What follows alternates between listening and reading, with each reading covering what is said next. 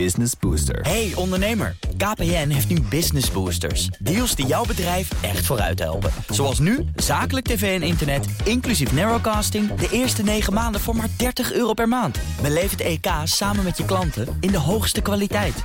Kijk op kpn.com slash businessbooster. Business Booster. Ja, ik had het gevoel dat ik al uren aan het woord was. Terwijl dat was helemaal niet zo. Maar je moet een minuut of zes of zo. Nou ja, die toespraak. Maar Ja. daarna moest die persconferentie. Ja, en, dat was ook eh, best een stuk, hè? Ja, ja, en vooral omdat je moet heel geconcentreerd blijven. En eh, Ja. ja, die adrenaline is dan toch ook weer hoger of zo. Het was echt, ja, ja, ja, een andere tijdsbeleving, zeg maar. Ja. Maar goed, het is, eh, ik ben wel blij dat het, dat het, dat het publiek is. Ja, het het voorbij is. Zullen we beginnen? Ja, oh, sorry, ik ben aan het praten. Ja, Dus, dat is ook, we rommelen vaak de podcast in. Ik Ja. zeg nog snel even dat dit Studio Den Haag is. Je hoort de stem van Tom van der Lee. Met hem gaan we zo uitgebreid praten over heel veel geld. Eh, maar eh, ja, we kunnen natuurlijk ook heel eventjes met hem over Groningen praten. Over het rapport van vorige week. En Leonard Beekman is hier in de studio. Sofie Yes. heeft een weekje vrij. Ik ben Mark Beekhuis. Zullen we voor we in Groningen aan de slag gaan heel even nog jouw week doornemen, Leonard? Dat was een hele korte week. En dat kunnen we meteen even doen. Ja, het was een ben je überhaupt ergens geweest? Want het was Ja, ik, ik ben wel ergens geweest, want vorige week tijdens de uitloop van de ministerraad kwam de woordvoerder van Hugo de Jonge naar ons toe. Of we het leuk zouden vinden om eh, op maandag, dus de eerste dag van het reces, gelijk een date af te spreken met eh, Hugo de Jonge. Om te spreken over de regulering van de middenhuur. Eigenlijk überhaupt het, Oh, lekker, uitbreiding van het daarover eh, puntenstelsel. En ja hoor, eh, maandag eh, zaten we daar met de, de hele vaderlandse pers. Want er was verder toch niks te doen. Zaten we op een kamertje op het ministerie met Hugo de Jonge te kletsen over de regulering van de middenhuur. Want Was Hugo het de Jonge eh, gaat leerzaam? altijd Heb je iets opgestoken? nou, nee, wat eigenlijk Hugo presenteerde wat, hij- wat al maanden aangekondigd werd. Alleen nu werd de wet, hè, het was af. Ehm, maar in principe hebben we niet heel veel geleerd. Er zat niet heel veel nieuws in. Behalve dat de middenhuur. Hugo de Jonge zegt, denk wel terecht, dat de middenhuur niet meer bestond. Want ja, de middenhuur was zo duur geworden dat je al snel rond de 1500 euro. We zitten nu in Amsterdam. Ja, daar kan je eigenlijk voor een eh, normaal bedrag kan je geen, geen woonruimte meer huren. Nou, en hij wil daar een einde aan maken. Een puntenstelsel. Een puntenstelsel wat nu geldt voor sociale huur. Uitbreiden naar middenhuur. En ervoor zorgen dat de middenhuur niet duurder wordt dan, ik geloof, 1030 euro. Eh, ja, en dan wordt de middenhuur heel. In, in- dat wordt eigenlijk een heel klein stukje, wordt het maar. Van 800 euro tot 1000 euro.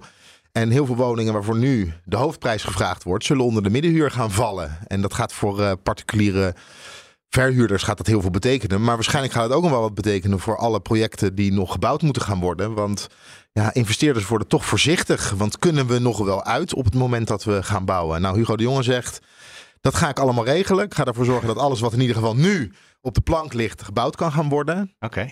En eh, wat betreft de particuliere eh, verhuurders, ja, ze zullen gaan. Hij noemde het letterlijk. eh, hij had over. ze gaan zeggen dat, dat de, de zeven plagen van Egypte, zo noemde hij het zelf, over, over ze heen gevallen, gevallen zijn. Maar het valt allemaal mee. Ze hebben de afgelopen jaren zo gigantisch veel geld kunnen verdienen. En op het moment dat ze niet meer uit kunnen en het pand moeten verkopen, kan. Wordt, eh, kunnen starters weer die Ja. woningen op gaan kopen. Nou, goed. Eh, kortom, Maar kortom, je hebt een hele leuke maandag gehad. Dat ik, eh, zat, maandag zat ik bij, bij Hugo de Jonge. En dan weet je hoe dat gaat, hè? Want Hugo die... ja, die had ook heel veel tijd nodig om Ja, dingen te vertellen. precies, net als ik. wel. Ja. Je snapte het. Het andere grote nieuws, denk ik, uit Politiek Den Haag deze week was de beveiligingsrapport van de OVV. Wat natuurlijk nu nog niet politiek is, maar dat gaat het dan volgende week waarschijnlijk wel worden, zo gauw de Kamer de kans krijgt. Ehm, dat de beveiliging van mensen als Peter R. de Vries en andere mensen rond kroongetuigen, dat, die gewoon, dat dat niet goed geregeld is. En ik realiseerde me hoe heftig dat rapport moest zijn toen ik hoorde dat mevrouw Jezilgus, die daar minister voor is uiteindelijk, verantwoordelijk voor is, niets wilde zeggen. Meestal willen ze toch wel zeggen, belangrijk rapport, gaan we naar kijken. Maar er kwam alleen een eh, schriftelijke verklaring, geloof ik. Hè? ja, maar kwam alleen de schriftelijke Nou, Dat verklaring. is meestal teken dat, het niet, eh, dat ze zelf ook geschrokken zijn. Ja, en ehm, het rapport zegt natuurlijk dat het OM nu ook over de beveiliging gaat van eh, de mensen rondom de kroongetuigen. Nee, nee, nee, Dat dat iedereen die gevaar loopt. is. Ja, dat het erg onhandig is. En dan krijg je een belletje vanuit de redactie. Kan je Jezielgus vragen voor een reactie? En dan, ja, bij dit, bij dit kabinet weten we dat als er belangrijke rapporten liggen, dan kan je wel bellen. En dat heb ik ook netjes gedaan naar de woordvoerder van Jezielgus. Ja, je weet ook al wat ze gaan zeggen. Ja, dan gaan ze zeggen: nee, dat, eh, we hebben een schriftelijke verklaring. Daar doen we het nu eventjes mee. En tussen zes en acht weken komen we met een officiële verklaring. Ze zei dat het wel waarschijnlijk iets sneller gaat zijn. Ehm, maar officieel tussen zes en acht weken komt er, uh, komt er een reactie richting Ik de zag Kamer. een hele cynische tweet. Die zei, lekker rustig in Den Haag. Er komt geen reactie op dit uh, rapport van de OVV. En ook geen reactie op het rapport van Groningen voorlopig van het kabinet. Nee. Dat is een mooi bruggetje misschien meteen uh, naar Tom van der Lee van GroenLinks. dat rapport, het eigenlijk, ik had het er met mijn moeder van de week over na zo'n twee jaar aan zo'n rapport gewerkt hebben, dan wil je natuurlijk wel een weekje vrij. En het is toevallig reces, dat is vast niet per ongeluk. En dus Leendert stelde voor, laten we Tom van der Lee uitnodigen om het te hebben over geld, notabene, over de 11,5 miljard aan extra winstbelasting. Ik zei, meneer van der Lee, die gaat het nooit doen, die wil even een weekje uitrusten. Maar u zit hier wel. Ja, ik heb ook best eigenlijk een drukke week. Ja, er speelt ook uh, natuurlijk nog wel wat de nasleep uh, van Groningen.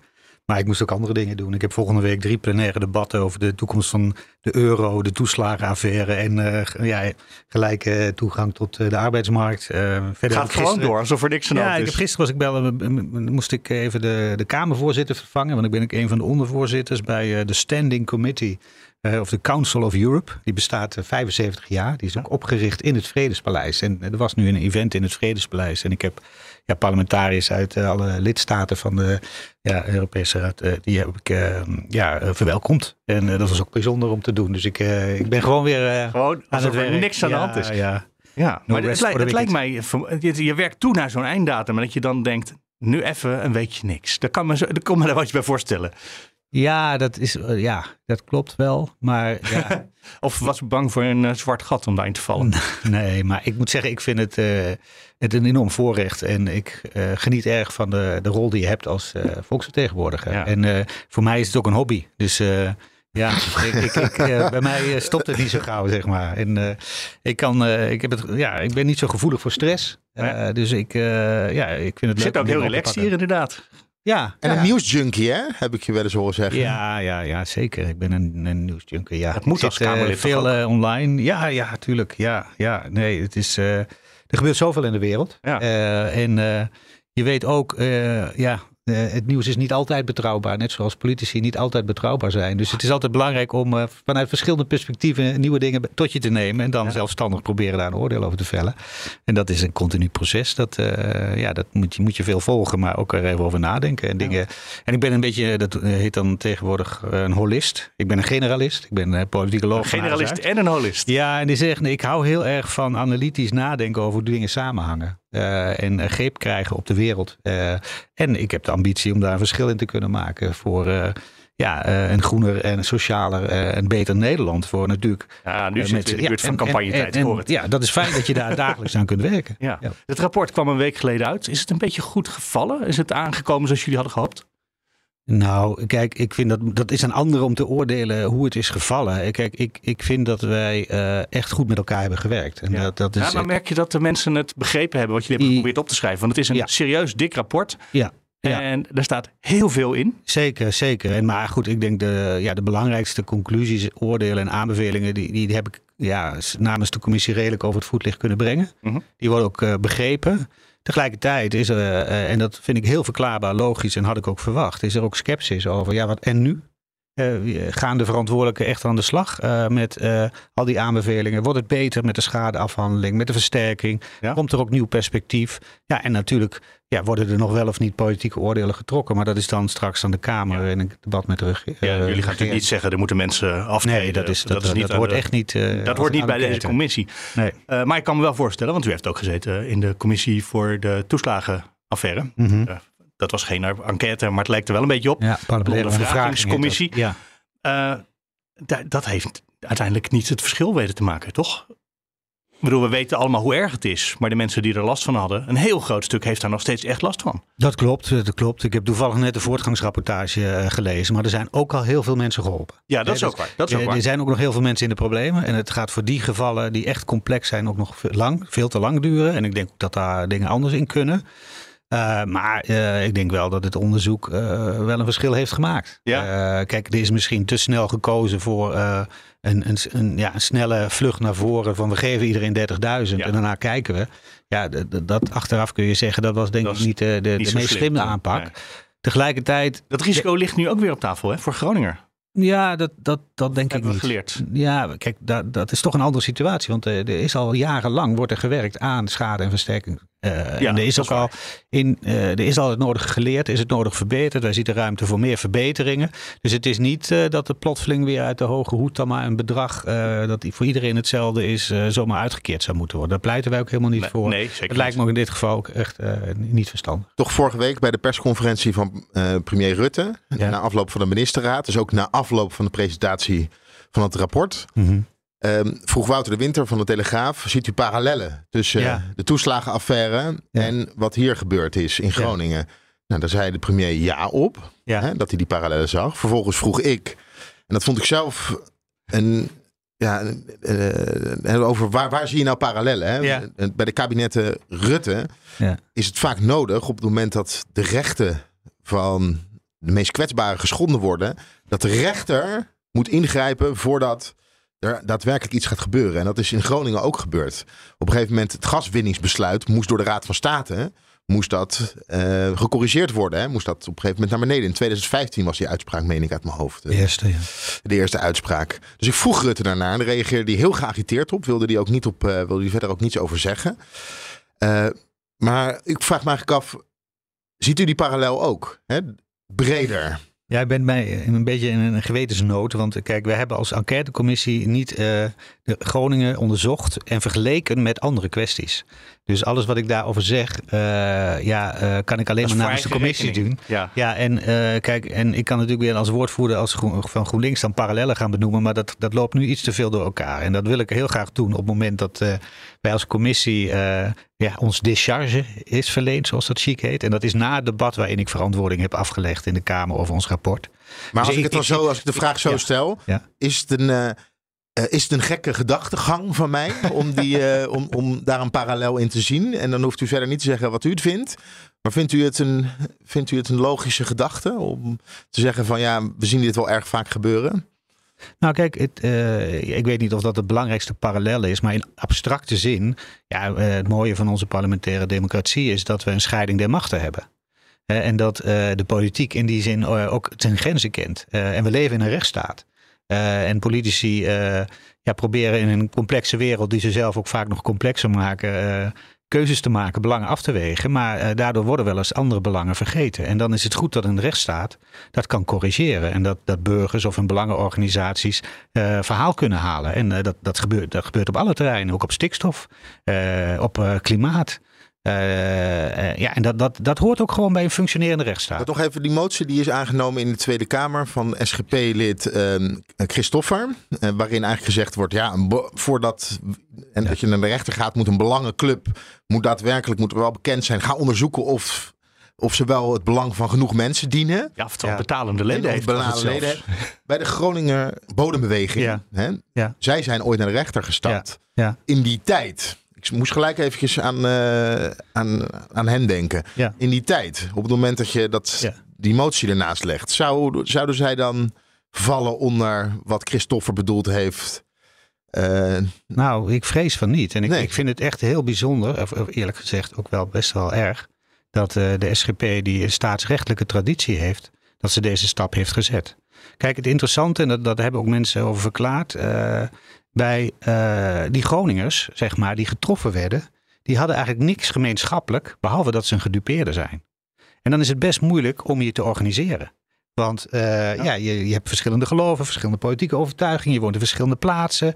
Eh, het enige wat ze gemeen hadden van we zijn gedupeerd. En die Groningen Bodembeweging die heeft er jaren over gedaan om tot 5000 leden te komen.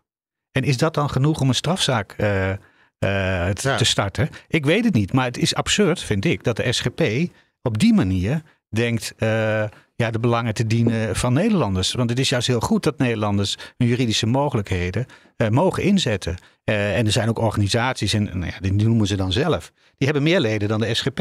Dus waar hebben ze het dan Ja, over? de SGP voldoet niet aan het criterium om naar de rechter te kunnen gaan. Dat was mijn indruk in elk geval. Ja. en dan hoorde ik nog een, eh, bij Diana Matroos, bij de Big Five. Zij interviewt deze week eh, de lijsttrekkers voor de Eerste Kamer. eh, Mhm.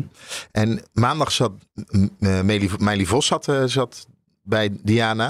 En het ging over de rol van de Eerste Kamer. En zij zei, en ze zei van ja, wat we, we hebben nu een minderheid in de Eerste Kamer. Dat is lange tijd natuurlijk niet zo geweest. En dan konden wetten, Mhm. Die door de coalitie zijn gemaakt, konden eigenlijk vrij geruisloos door de Eerste Kamer komen. Ja. En misschien, dat hoorde ik een beetje destilleerde ik uit haar woorden. Misschien is het wel goed dat er een minderheid is. En op het moment dat je het niet de politiek maakt. Maar dat wetten niet automatisch meer door de Eerste Kamer komen. Maar juist doordat er een minderheid is. De controle op de wetgeving daardoor beter is. En toen dacht ik, hé, hey, misschien heb je daar wel een punt. Misschien is het inderdaad wel goed dat er, een, uh, dat er geen meerderheid uh, in, uh, van de coalitie in de Eerste Kamer is. Ja, ik denk dat dat op zich klopt eigenlijk. Uh, je ziet ook dat uh, ook de Raad van State speelt een belangrijke rol bij de advisering over wetgeving. Die is soms heel kritisch, ook op wetten van het kabinet. Dan worden er een paar dingetjes veranderd. Maar soms de fundamentele kritiek, ja, die wordt dan toch niet gehonoreerd. En dan kan ja, in een Eerste Kamer ja, kan dat een serieuze kwestie worden. En dan helpt het inderdaad dat de coalitie niet een meerderheid heeft. Dan, dan, dan zal ze ja, mogelijk gedwongen worden om de de wet weer uh, te hernemen. In de zin, dan wordt die, komt die niet door de Eerste Kamer. Dan moet er een novelle komen of een nieuwe wet om uh, ja, ja, dat soort problemen beter uh, te adresseren. En dat, dat vind ik op zich gezond. Ja, dat zou een zegen kunnen zijn, toch? He, want we hebben de afgelopen... nu toch? Nee, maar die, en dat gebeurt nu. Maar misschien ja. hadden we de hele drama met de pas niet gehad. Op het moment dat er... Uh... Stikstofproblemen, nou. Ja. ja, nee, dat klopt. Uh, wij waren destijds ook uh, tegen die pasregeling. maar dat, dat was niet, niet, moet ik eerlijk bekennen, niet zo'n hele grote meerder, of minderheid, eerlijk gezegd. Toen. Maar ja, dat, dat klopt. Er zijn natuurlijk meer voorbeelden aan te wijzen waarbij wetgeving geleid heeft tot onbedoelde, maar wel hele schadelijke gevolgen. En die hadden mogelijk voorkomen kunnen worden in een Eerste Kamer die, die kritischer is dan een Tweede Kamer, waar toch de coalitiedwang uh, groter is. Ik wil nog een laatste dingetje voorleggen, ja. voor we echt eindelijk naar het onderwerp waar we het over zouden hebben. Ja. Um, van alle aanbevelingen die jullie hebben gemaakt, is er eentje heel specifiek over de politiek. En omdat het een politieke podcast is, dacht ik, die pak ik eruit. Nummer 7, de positie van de Tweede Kamer. Die moet versterkt worden. En uh, de regering moet artikel 68 serieus gaan nemen. Ja. Ja, dat is eigenlijk best schokkend dat dat een advies moet zijn, toch? Dat de regering het, de grondwet serieus moet nemen. Ja, maar ik moet eerlijk bekennen dat dat niet een hele origineel advies is. Nee, het is eerder bijna, bijna ieder parlementair onderzoek komt dat terug. Ja, die informatievoorziening, uh, dat, is, dat is een probleem. En, en zeker als, uh, ja, zoals in, in het geval van Groningen ja, echt informatie uh, ook zelfs bij de minister niet goed komt. Laat staan bij de Tweede Kamer. Dat heeft een hele grote impact ja, gehad. Ja, er waren heel veel onafhankelijk werkende ambtenaren die verder ja. ook nooit echt contact hadden met hun minister. Nee, dat was nee. De, de cultuur die in jaren was gegroeid. En uh, ja, dat veroorzaakt uh, veel schade. En, maar goed, ik vind nog belangrijker, dat is een andere aanbeveling, dat het kabinet vragen om als er hele grote belangen moeten worden afgewogen. Hè, dus uh -huh. hè, de, de toekomst, veiligheid, de gezondheid van een deel van Nederland. Ten opzichte van de leveringszekerheid van iedereen. Ten opzichte van een heel belangrijk onderdeel van de staatsinkomsten, zeker in tijden waar het krap is. Ja, dan is het belangrijk dat je als je keuzes maakt, je een voorkeur neerlegt, maar dat je ook laat zien of het twee of drie echte alternatieven zijn, waarin de belangen anders worden afgewogen.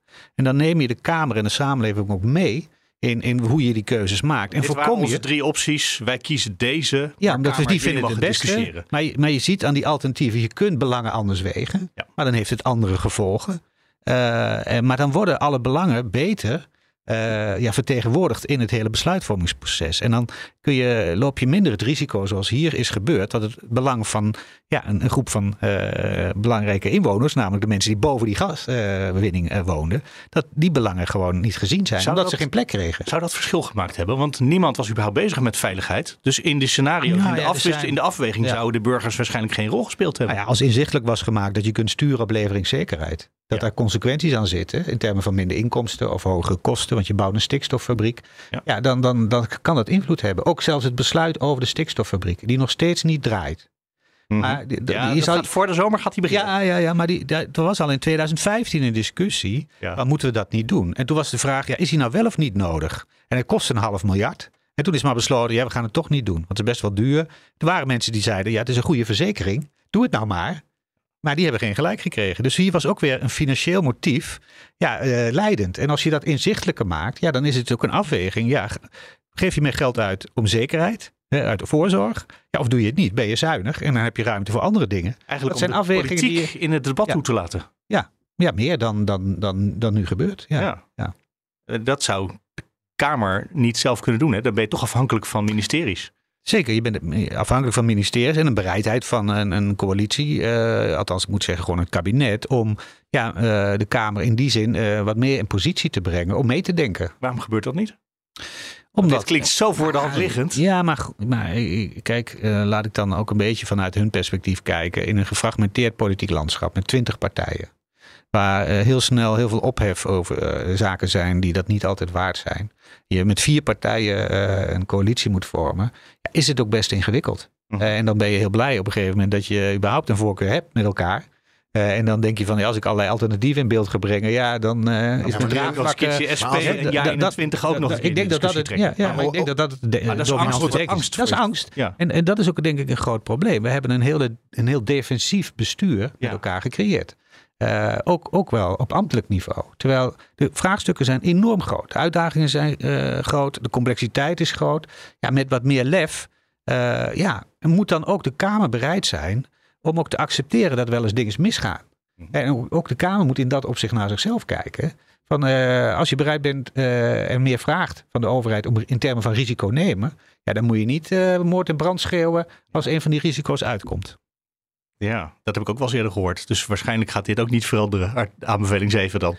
Nou, kijk, het mooie is, het valt, er verandert altijd wat. Of het genoeg is, is de vraag. Ja. Eh, maar dat is eh, een van de fascinerende aspecten van de politiek. Er zijn mensen die denken dat je het kunt voorspellen, maar na vele jaren ervaring eh, weet ik dat dat, Dat niet niet altijd opgaat. eh. Oké, nou dan voorspellen we dat niet. Dan zullen we het hebben over de 11,5 miljard, eh, Leendert. Let jij even in waarom we het daar, over, over waarom we het over dat bedrag moeten hebben. Nou, eh, eigenlijk goed nieuws afgelopen week. De winstbelasting valt veel hoger uit dan verwacht was. Eh 38 miljard, eh 11,5 miljard meer dan van tevoren begroot was. En door het energie, Heel veel. Heel veel geld. met 11 miljard ernaast zit. dat is echt veel geld. Maar dat is natuurlijk ook een eh, fijne meevaller, want we hebben het energieplafond. En dat zou in de eerste voorspellingen tussen de 20 en 40 miljard gaan kosten. Nou is de gasprijs veel lager dan verwacht, dus het zal ook veel minder hoog uitpakken. Dus misschien kun- kan het hele prijsplafond wel betaald worden uit deze meevaller. Dus ja, voor het kabinet is een groot probleem bij de voorjaarsnota. Hè, dat een aankomend voorjaar wordt bij de voorjaarsnota wordt de lopende begroting bijgestuurd. Ja, dat wordt misschien wel helemaal geen probleem. En, eh, eh, en daar had ik twee gedachten bij. De ene, nou dat is fijn, hè, want dan hoeven we bij de voorjaarsnota zometeen niet eh, over bezuinigingen te gaan praten. Of moet er extra geld geleend gaan worden. Aan de andere kant is het natuurlijk wel een rare manier van begroten. Want het is in het diepe springen zonder dat je weet hoe diep het is. En eh, nu valt het mee, maar het had ook heel erg tegen kunnen vallen. En kan je eigenlijk wel als kabinet, en er is al vaker over gesproken, maar op deze manier eh, beleid maken? Ik vind het een fantastische vraag. Kan dat? Tom van der Lee van GroenLinks. Ja, het kan. Ja, dat is natuurlijk jullie idee, hè? Ja, het gebeurt namelijk. Kijk, ja, het is on- kijk, ja, maar het, het- het is natuurlijk wel een, uit, ja, een uitzonderlijk eh, tijd geweest. Ja. Echt uniek. Maar er is elk jaar iets waardoor dit een heel ja, raar maar jaar in is. deze, ja, het klopt. We hebben natuurlijk ook eh, corona gehad. We hebben eh, daarvoor natuurlijk ook de eurocrisis en de financiële. Er zijn altijd crisissen. Precies. Hè? Dat, dat klopt. Maar de combinatie eh, van twee crisissen heel snel achter elkaar.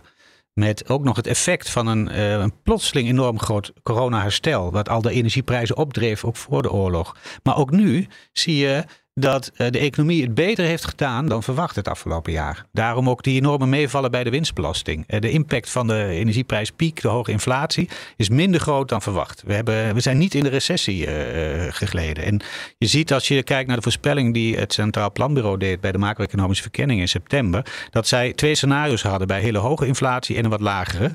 En dan zou de economie ergens tussen de 0,6% en 1,9% groeien in 2023. En wat is nu eh, de verwachting? 1,2% Dus precies in het midden. Dus als je met bandbreedtes werkt, is dat, dan, dan, heb je, dan kun je denk ik ook verstandig eh, begroten.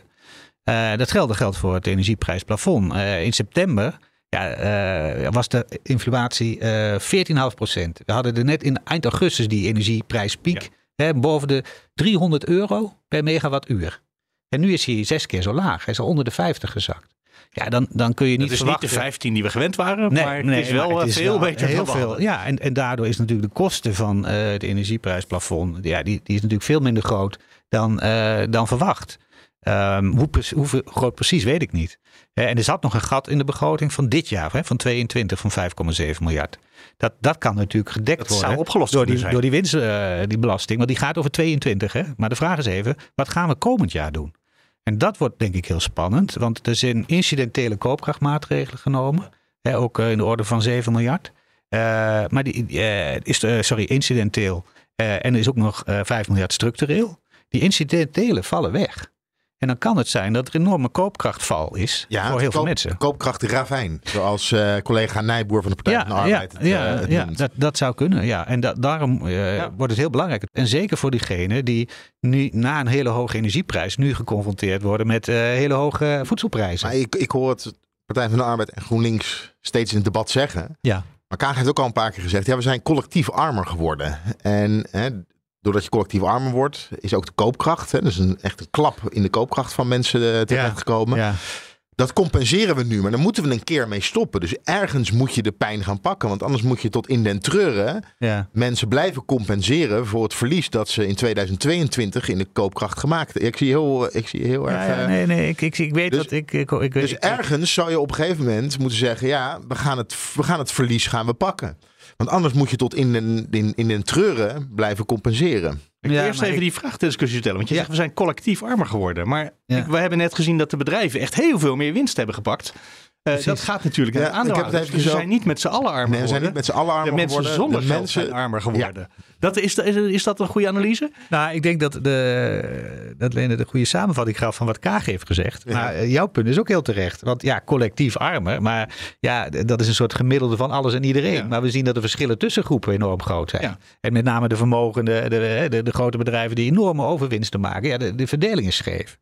Tegelijkertijd is het ook zo dat het ook een beetje eh, doembeelden weer zijn. Weet je, dat defensieve. Kijk, als je kijkt naar hoe de Nederlandse economie ervoor staat. eh, en ook stond. eh, heel sterk. Ook zeker in Europa. We hebben echt een van de allerlaagste staatsschulden in, in de Europese Unie.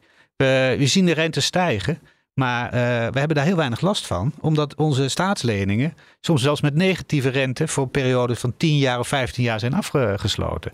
Dus er is wel een zorg over dat de renteuitgaven omhoog gaan, maar dat gaat heel geleidelijk gebeuren. Eh, dus eh, ja, we zijn iets minder rijk geworden. Zeg maar, onze economie groeit iets minder hard. Maar uiteindelijk is die wel gegroeid. Dus we zijn collectief rijker geworden. Dus het klopt gewoon niet wat Kaag zei. En dat zei ze op een ander moment in de tijd. De realiteit is inmiddels veranderd. We weten meer cijfers. En dan moet je gewoon concluderen dat wat ze zei gewoon niet klopt. En dat Ja. betekent, we worden met elkaar rijker. En de herverdeling eh, kan dus ook eh, nog wat steviger worden aangezet. Ja, en dan hebben we het nu over de winstbelasting. Hè. Dat is echt een forse, eh, een, een forse plus voor de staatskas. Maar het zijn natuurlijk wel de ondernemers die die bela- hè, zij hebben de belasting betaald. En Partij van de Arbeid, in ieder geval, hè, we zitten, gaan nu richting de verkiezingen. En het verhaal is natuurlijk vanuit de VVD zeker. Eh, de linkse wolk wil ons nog meer gaan belasten. Hè. En er is al zoveel belastingdruk. Nou, dat hebben we deze week gezien. Bedrijven hebben, hebben volop eh, bijgedragen aan die staatskas. Ja, en dat blijkt dat, er ook, eh, dat het heel makkelijk kan. Want ze betalen namelijk helemaal niet zoveel belasting. Recent van de week het Financieel Dagblad het nieuws over een grote Spaanse bouwonderneming die het hoofdkantoor naar Nederland verplaatst. Op allerlei eh, redenen. Maar hier. ook, ja. maar ook omdat ze 40 miljoen eh, per jaar minder belasting hoeven te betalen. Ja. Dus ja, eh, dat klassieke VVD-verhaal, dat klopt gewoon niet. De- de- het is mogelijk om de winsten, de vermogens en de vervuiling wat meer te belasten.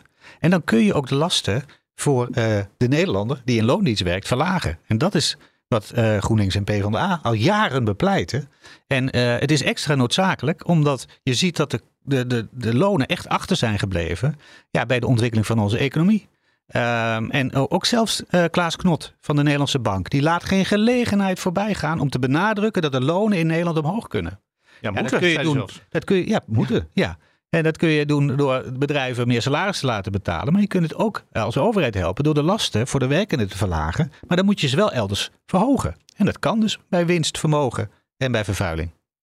Ja, daar heb je weer, die linkse wolk die de bedrijven meer wil laten betalen. Je hoort het aan Ja, er valt dat de te kiezen. al. eh, Er valt dat te kiezen op Ja, 15 precies. maart. Dus eh, kies verstandig. ja. Het woord linkse wolk, dat was even een scheldwoord.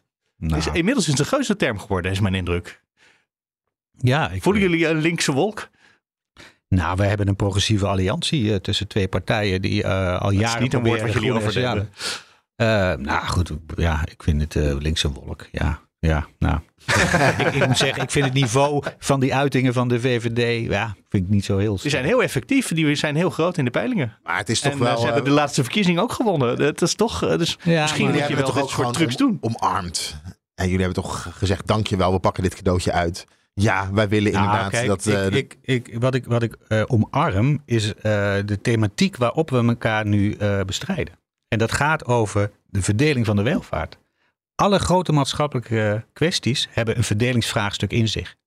En vaak uh, in Nederland laten we ons afleiden, vlak voor de verkiezingen, op onderwerpen waarvan je weet, ja, heel veel gepraat, maar er gebeurt niet zoveel. Ja, nee, maar u bent toch ook campagneleider geweest en heeft toch uh, mensen in de fractie gecoacht die de media te woord moesten staan. Ja. Dat is toch gewoon heel fijn als er zo'n woord is waar iedereen bij denkt, oh ja, daar kan je iets van vinden. Ja, maar kijk, kijk dat werkt alleen maar als je relevant bent. Aha. En als, nou, eh, u wordt relevant media- gemaakt hiermee. Nou ja, maar we zijn relevant. We zijn voor jullie relevant. We zijn voor de politieke tegenstanders relevant. Ja, en dat is belangrijk in een campagne. Als je Mhm. relevant bent, ja, dan, dan word je uitgedaagd. Dan, dan wil ook de media laten zien. Wat vindt die, die partij? Mhm. En, en dat is cruciaal. Is het niet iets zijn ingewikkelder? Want de VVD zou zich ook af kunnen zetten tegen allerlei rechtse partijen.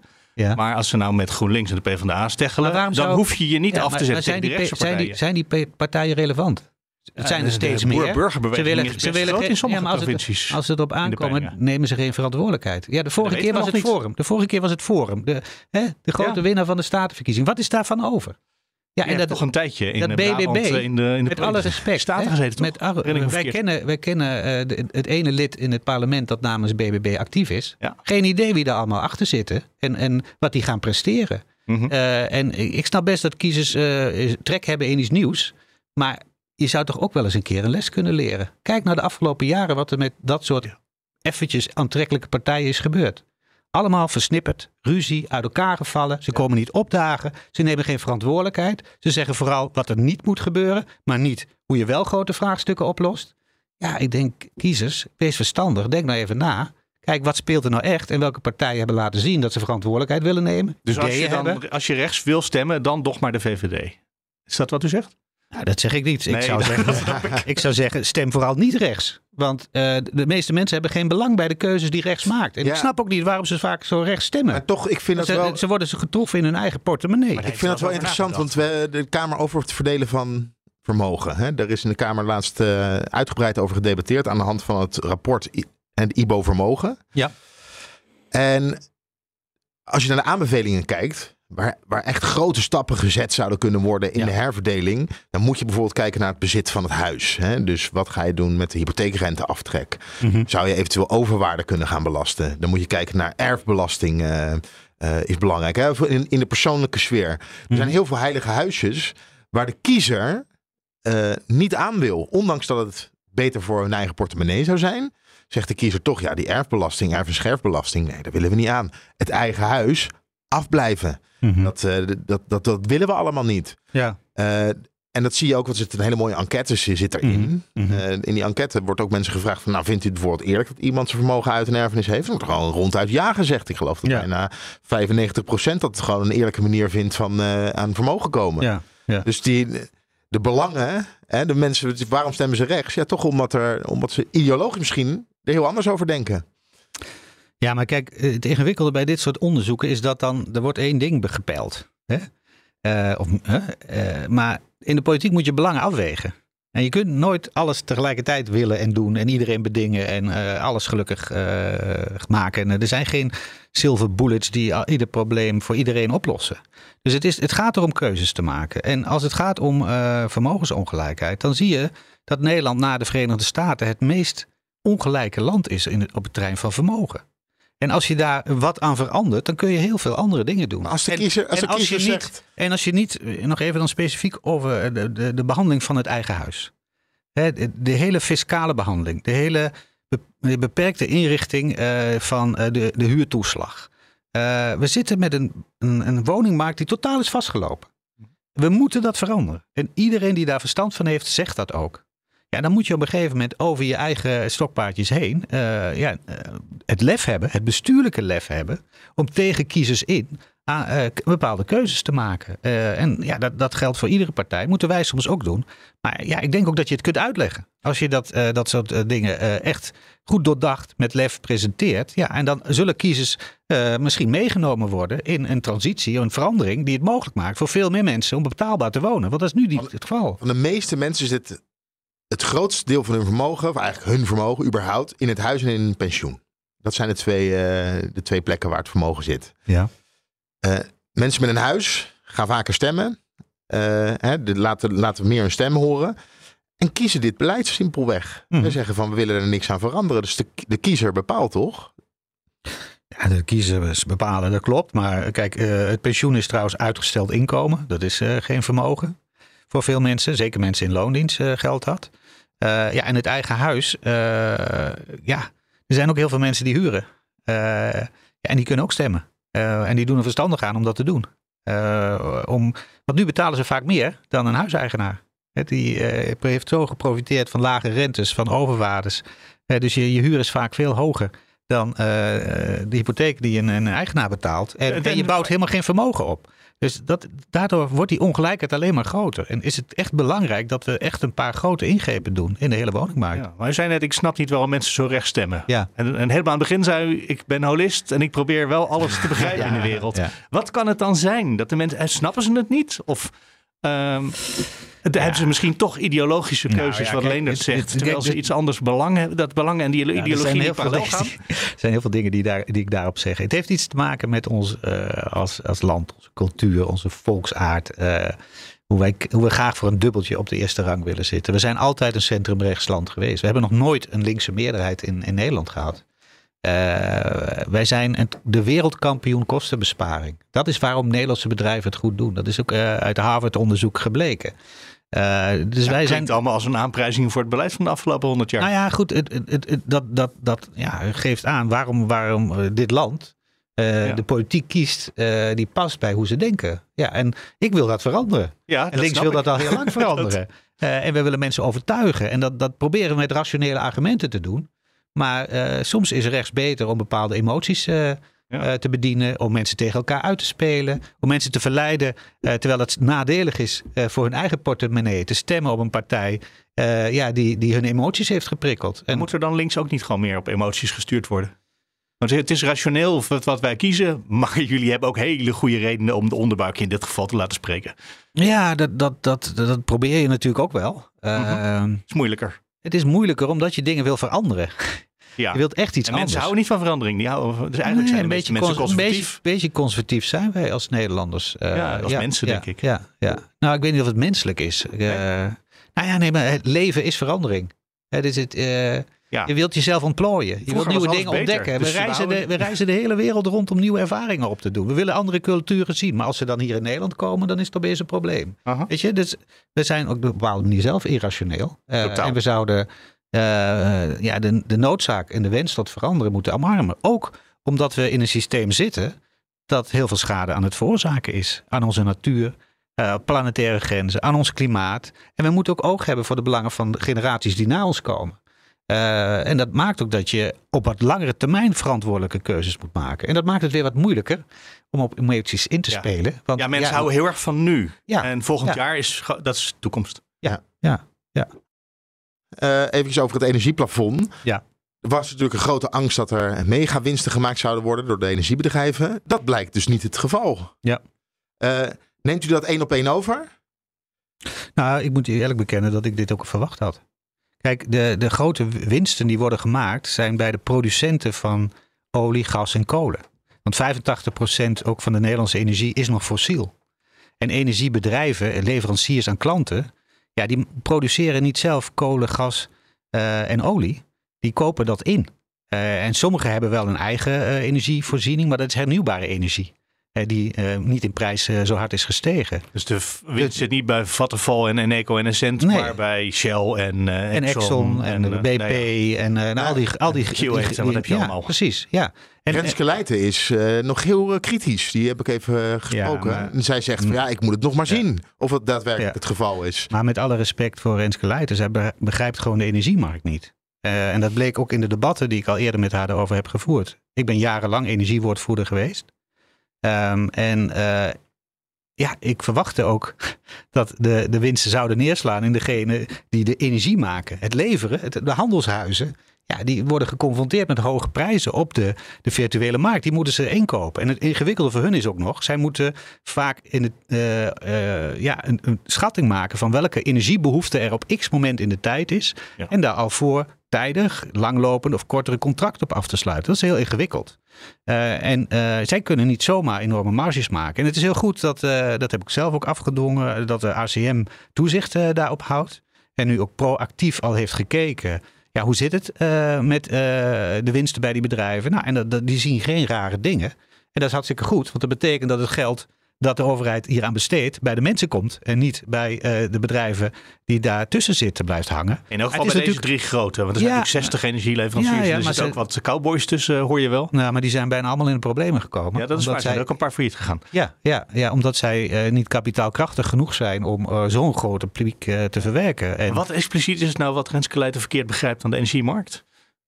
Nou ja, dat, dat energie gemaakt wordt door fossiele bronnen aan te boren. Dat daar uh, het geld mee wordt verdiend. Ja, dus als de vraag plotseling heel groot is.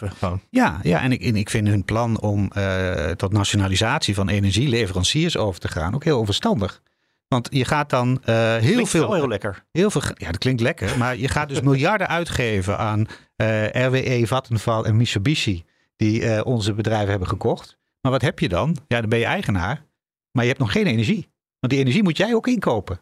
Dus je haalt het probleem naar je toe. Geeft veel miljarden uit om het probleem naar je toe te houden. Maar je hebt nog niks bereikt voor de mensen en de bedrijven. In termen van uh, de energieprijs. Nou, wij energie... zouden het om niet kunnen doen als het een staatsbedrijf is. Terwijl het nu om winst is natuurlijk. Dus de eerste winst, eh, wat zal zo'n rendement zijn? Uh, ja, uh, ik begreep nu dat 5%? ze 5%, 5 winst maken. Ja, of ietsje minder nog op het ogenblik. Ja, ja. Goed, dus die eerste 5% van de rekening kan eraf. Ja, en daar ga je dus uh, tientallen miljarden voor op tafel leggen. Ja, dat verdient zich toch terug, of niet? Nee, dat nee. Gaat, nee, nee, nee, echt niet. Nee. Nee, dat is echt een hele slechte rekensom. En uh, het is ook een slechte analyse. Want de, het probleem zat hem bij uh, degene die de, de ja. fossiele energie leveren. Dus we moeten Shell, nou die gaan we ook niet nationaliseren. Nou, ja, goed, en dat maar... vind ik dan weer raar. Want ik, wij hadden, er is een uh, Europese afspraak gemaakt om de overwinsten van deze fossiele bedrijven extra te belasten. maar Nederland kiest dan voor het laagste tarief van 30%. Ik had een abonnement ingediend samen met Henk Nijboer om dat 49,5% te doen. Dan verdien je 1,7 miljard extra. Ja, dat wil dan de coalitie niet. Ja, dat snap ik dan weer niet. Dan maak je je zo druk over energieleveranciers en hun uh, marges bij dit energieprijsplafond. De echte winsten worden gemaakt bij de fossiele bedrijven. Kun je dat sterker afromen en dan laat je dat lopen. Het is ook gewoon niet rationeel. Ja, het past wel in het patroon, toch? Ik bedoel, zo gauw dit geopperd werd in Brussel, kwam meteen vanuit Den Haag het antwoord: daar, daar zijn we niet voor in. Dat willen we niet. Ja, en dus als je dan gedwongen wordt, dan kies je het laagste tarief. Ja, maar dat is dus heel onverstandig, want wie betaalt dan het gelag? Ja, de gewone burger. En het MKB. Ja, maar het is wel heel consequent vanuit het regering gedacht. Ja, en daarom snap ik, niet dat Nederlanders uh, partijen steunen ja, okay. die dit beleid elke keer... Uh, er zit een lijn in dit ja, programma. Ja, dat is mooi. Ja. Um, de verkiezingsdebatten. Ja, ja laten we het hebben over observatie was eigenlijk uh, simpelweg... het niveau is zo bedroevend laag. Om te beginnen bij WNL op zondag. Daar zat ook de lijsttrekker van GroenLinks zat daar, Paul Rozenmuller. Heeft, heb je het gezien, Tom? Ik heb het gezien. En deel je de analyse of wil je hier ook... Volgens mij zei je nu dat Paul Rozenmuller heel slecht deed. En ik weet niet of dat het probleem nou, was. Ja, ik, net zeggen, ik, deel, ik deel de analyse dat Paul Rozenmuller het goed deed. Maar dat uh, zei ik ook nog niet. Maar, maar heel nou, goed, ja. ik, ik, moet je zeggen dat... Uh, ja, ik vond het uh, een vrij beroerd debat. Ja, ja. Ik vond ook... Er zat geen leiding op. Dat is, dat is altijd een probleem. en er zitten politici die op de zondagochtend... waar het publiek gemiddeld genomen wat ouder is en een rustdag heeft, die zaten zo hoog in hun energie dat ze zich totaal overschreeuwden. Ja, dat is bedoel, les 1 van uh, communiceren. Ja, dat moet je op die manier niet doen. En dan elkaar onderbreken en uh, van hak op de tak. En dus bedoel, puur in de vorm ging er al heel veel mis. Nou goed, en verder inhoudelijk. Kijk, WNL, ja, die kiest. Ik bedoel, er is nu kritiek op dat andere debat. Maar dit was natuurlijk het andere debat. Dat is van uh, uh, Jeroen Pauw is ja, Pauw. Dat is zeg maar het... Uh, dat is het linkse wolkdebat. Het linkse wolkdebat is dat, ja. Maar, met de VVD. ja, maar dit was natuurlijk een, een bijna compleet rechtse setting. Met alleen Rozenmuller uh, die uh, links vertegenwoordigt en het ook vervolgens het beste doet, want die heeft ook het beste argumenten natuurlijk. uh, maar nou, het was het, het makkelijkst om zich af te ja, maar het was, een, het was een onevenwichtig debat met rechtse partijen die, die ja, elkaar altijd proberen te overschreeuwen, die, die hyperbolen gebruiken. In dit geval ook letterlijk. Trouwens. Ja, ja, precies. De mevrouw van de PVV, ja, Die, die schreeuwde er echt heel erg doorheen. Ja, ja. Nou, maar ik had, ik had in ieder geval liet zich ook niet. nou goed. Ik had Mark beloofd om niet inhoudelijk te gaan klagen over de onderwerpenkeuze. Ja. Uh, maar nu zijn we nog een stap verder gegaan. We hebben het niet eens meer over de onderwerpen. Ja. En we doen er nu net zo lekker hard aan mee. Dus dat is gelijk de kritiek die je... Uh, ja, zit helemaal aan het einde van de podcast. Niemand hoort nu, meer. Uh, de debatten gaan nu vooral over de debatten. En de Ja. vorm van de debatten. Ja. En of de debatten überhaupt gevoerd moeten worden. Bijvoorbeeld de, de het linkse wolkdebat dat gaat plaatsvinden. Ja. Bij Jeroen Pauw. Eh, dus de inhoud is nu helemaal eh, naar de achterkant. Of naar de, eh, is helemaal verdwenen. We hebben het niet meer over de inhoud. Nou, we hebben dat debat nog helemaal niet gezien, hè? Dus ik denk dat dat kwalitatief een veel beter debat gaat worden. Omdat daar ook echt een serieuze tegenstellingen een rol spelen. Eh, en het ook een, een, een duidelijke tegenstelling is die hier wordt besproken. En daar kun je inhoudelijk de diepte in gaan. Ehm, en dat was bij het andere debat denk ik niet het geval. En er zijn natuurlijk heel veel andere partijen, dat snap ik best wel. Die zijn dan boos van ja, wij willen ook gezien worden. Maar ja, met deze hoeveelheid partijen. Ik ben benieuwd, vandaag is er ook een debat. Ja, bij Radio 1. Ja, eh, waar heel veel partijen aan, aan, aan deel gaan nemen. Ja, ik ben benieuwd. eh, Volgens mij alle dat gaat 20 lukken. mee. Alle partijen gaan geloof Ja, ik. sommigen hebben afgezegd, geloof ik. Of, of wilden niet. Of zijn, nou, de, ik geloof ook, er zijn ook partijen die niet meedoen. Volgens Pieter Omtzigt bijvoorbeeld. Oh ja, die die ja. is er dan niet bij. Maar ja, eh, ja dat, dat is ook ingewikkeld met zoveel eh, partijen. Dus eh, ja. en verder is het aan. aan, aan eh, we leven in een, eh, een land gelukkig met mediavrijheid. En als een programma ja, eh, deze opzet eh, kiest, nou prima. Nou, dan gaan we toch maar weer kijken. Ja. En luisteren vanmiddag naar dat debat. Ja. Heb jij nog iets leuks, Leendert, voor op het einde van de podcast? Ja, vorige week bij de uitloop van de ministerraad stonden we te wachten op reacties over het rapport van Ja. Tom van der Lee over Groningen. Eh, we werden vrij vroeg werden we naar Algemene Zaken werden we geroepen. Toen kwamen eerst alle ministers voorbij die niets te maken hebben met gaswinning in Groningen. Hadden ook geen nieuws. En daarna moesten we heel lang wachten totdat de, dat de ministers kwamen die daar wel iets over konden zeggen. Dus Adriaansens en Rob Jetten. Want zij gingen eerst de persconferentie met de heer Van der Lee gingen ze afwachten. Hè? Dat Oh. hebben ze eerst netjes zitten, zitten, zitten bekijken. Heel goed. Toen kwamen ze naar buiten en er stond Ron. Van, we stonden met z'n allen klaar. Echt, eh, de meerdere camera's. Een hele scrum van Eh, journalisten. Iedereen, eh, iedereen stond er, want ja, dat was het enige onderwerp waar we nog over wilden gaan praten. Ron had, omdat het allemaal zo lang geduurd had van RTL, die had zijn microfoon uitgezet. En daar kwam hij pas achter toen hij wilde beginnen met interviewen. En Jette stond voor ons. Dus hij zei tegen Jette, wacht eventjes, ik zet even mijn microfoon aan. Dat duurde vrij lang. Dus het was vrij lang een beetje een ongemakkelijke stilte, microfoon aan. Rob Jette, uiteindelijk stond hij aan. Meneer Jette, wat is uw reactie op het rapport? Ja, daar ga ik niet op reageren. Dat was toen uiteindelijk de... en dat, was had het ook meteen kunnen zeggen, Dat was het dan ook. Dus we hebben urenlang op het ministerie van Algemene Zaken gezeten. Uiteindelijk nog moeten wachten op een microfoon om helemaal, helemaal niets te krijgen. En vervolgens de eh, persconferentie van de heer Rutte. Eh, ja, daar kregen die we ook er helemaal niks over eh, daar kregen we niets uit. Maar die deed dat behendiger. Die deed, die deed daar meer woorden over om te zeggen dat hij niks ging zeggen. Nee.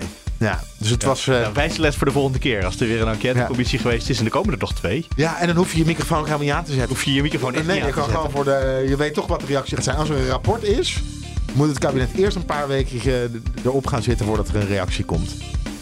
Dankjewel, Tom van der Lee. Graag gedaan. links eh, voor je komst naar de studio vanmorgen. Dankjewel ook weer, Leendert. Yes. Volgende week zijn we weer met z'n drieën. Deel Volente. Ik ben Mark Beekhuis. En dan is volgende week Sofie er dus ook weer bij. Tot volgende week.